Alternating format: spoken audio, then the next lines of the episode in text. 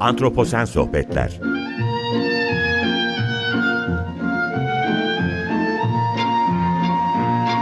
Hazırlayan ve sunan Utku Perktaş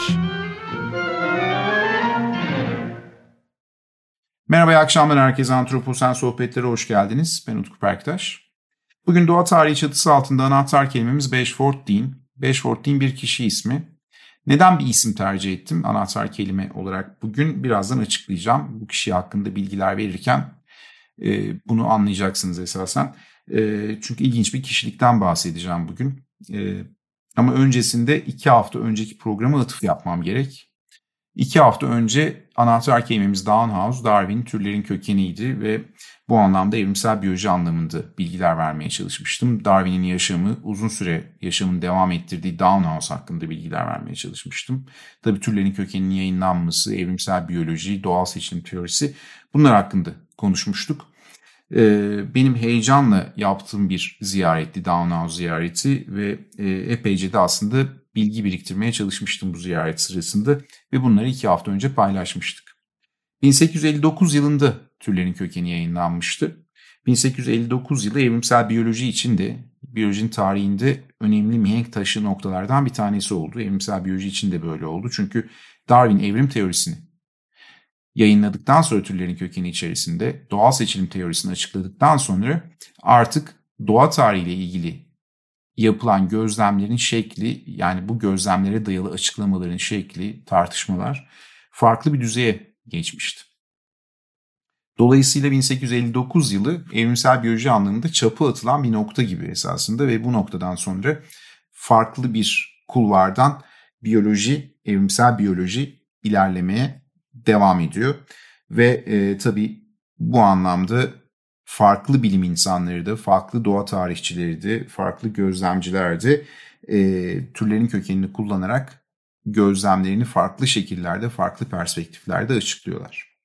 Bunlardan biri de Bashford Dean, e, Darwin'in türlerin kökenini yayınlanmasını takiben e, 1867 doğumlu bir isim. E, bu türlerin kökenini yayınlanmasını takiben kendi akademik gelişim sürecinde yaptığı gözlemler oldukça ilginç. Çünkü fosillerle gelişim biyolojisini, embriyoloji bir araya getirip karşılaştırmalı bir takım açıklamalar yapmaya çalışıyor. Ve bunu yaparken de Amerikan Doğa Tarihi Müzesi'nde küratörlük görevinde.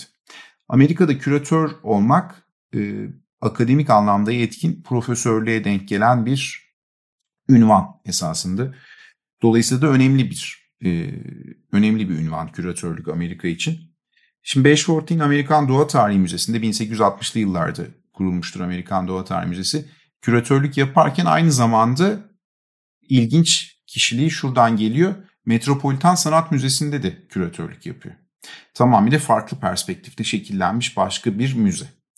Yalnız her iki müze birbirine paralel bir şekilde konumlanmış. New York'ta, Manhattan'da Birisi Central Park'ın batı yakasında Amerikan Doğa Tarihi Müzesi, birisi Central Park'ın doğu yakasında Metropolitan Sanat Müzesi konumlanmış durumdalar ve ikisinde de farklı sergilerle, farklı koleksiyonlarla ilgileniyor Bashford Dean.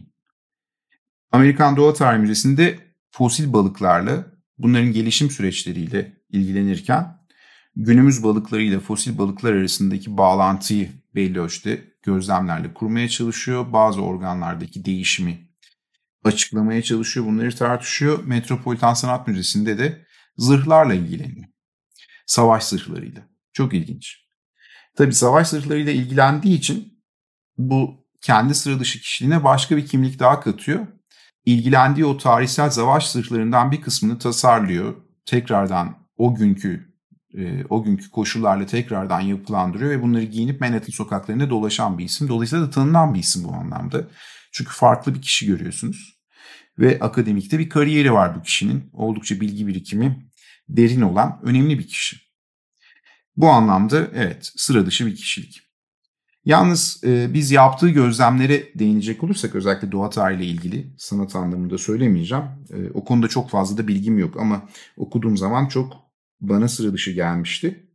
Şimdi özellikle hani balıklarda günümüz balıklarında ata türlerden türeme sürecinde balıkların tarih ve bu, bu türeme sürecin tarih ve mekanizmalarını odaklanıyor Beşfortin ve embriyonun yumurtadan yetişkine dönüştüğü süreçte bir yerlerde bir takım e, sıra dışı olayların gizlendiği kanısında. Ve özellikle de akciğerli balıklar üzerine yaptığı gözlemler akciğerlerin nasıl evrimleştiği konusunda tartışmaları o zamanki dediğim gibi türlerin kökeninden de yola çıkarak açıklamaya yöneliyor. Akciğerlerle yüzme keselerinin gelişim sırasında temelde aynı görünüme sahip olduğunu fark ediyor yaptığı gözlemlerle.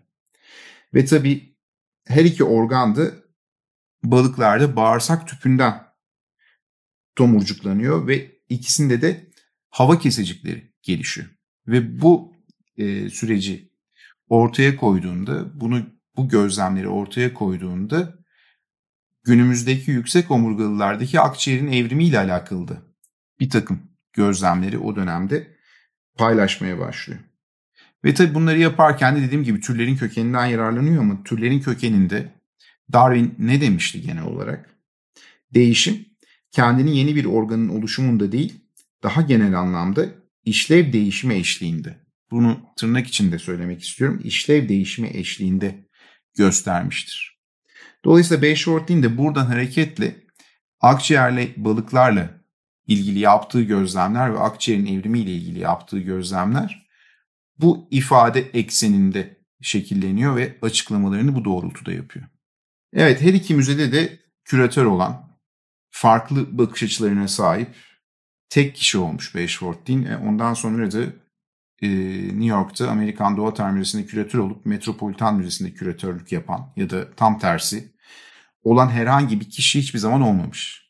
Dolayısıyla bu bilgi ilginç ve yaptığı gözlemler de akciğerlerin evrimi konusunda önemli bilgileri literatüre kazandırmış. Şimdi Darwin'in özellikle türlerin kökenini 1859'da yayınlanmasından sonra e, öncesinde de var ama sonra bir takım gözlemler evrim teorisiyle ilgili evrim teorisiyle birleştirilerek doğa tarihi anlamında e, ve canlıların tarihi anlamında önemli bilgileri o dönemde artık literatüre kazandırmaya başlıyor ve bu anlamda da önemli isimler var. Hem sistematik biyolojiye hizmet eden, evrimsel biyolojiye hizmet eden önemli e, bilgileri buraya kazandıran bu sırada önemli yayınları kazandıran, önemli dergileri kazandıran biyolojiye çok önemli isimler var. Bu seride biraz bunlardan bahsetmeye başladım hani bugünkü programda ve bu bu anlamda da devam edecek. Önümüzdeki haftalarda örneğin e, meşhur Rothschild ailesinin üyelerinden birisinden bahsedeceğim. Walter Rothschild. Kendisi çok önemli bir isim olmuş doğa tarihi anlamında ve ilginç hikayeler var hakkında da e, özellikle kuşlarla ve kelebeklerle ilgilenmiş. Çok önemli koleksiyonların toplanmasını sağlamış. Bugün hala bizler, e, kuş bilimciler, işte böcek bilimciler e, bu koleksiyonları kullanıyoruz. Dolayısıyla tarihsel öneme sahip olan bu koleksiyonlar bugün biyoçeşitliliğin anlaşılmasında bizi farklı bir düzeye taşıyabiliyorlar. O tarihsel perspektifi görebiliyoruz. Belli ölçüde o dönemlere de aslında gidip e, o dönemlerde ne tür notlar alınmış, bugün ne noktadayız bunları karşılaştırmakta biyoloji önemli bilgileri kazandırıyor.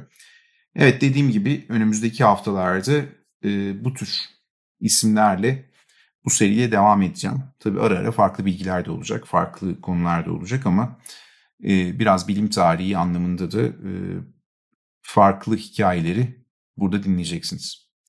Evet lafı çok uzatmayayım. Bugün anahtar kelimemiz 5 word değindi. E, ve onun hakkında doğa tarihi anlamında bu bilgileri e, sizlerle paylaşmaya çalıştım programda az önce söylediğim bilgileri. Hepinize çok teşekkür ediyorum. İyi akşamlar diliyorum. Önümüzdeki haftalarda antroposan sohbetlerde buluşmak üzere. Hoşçakalın.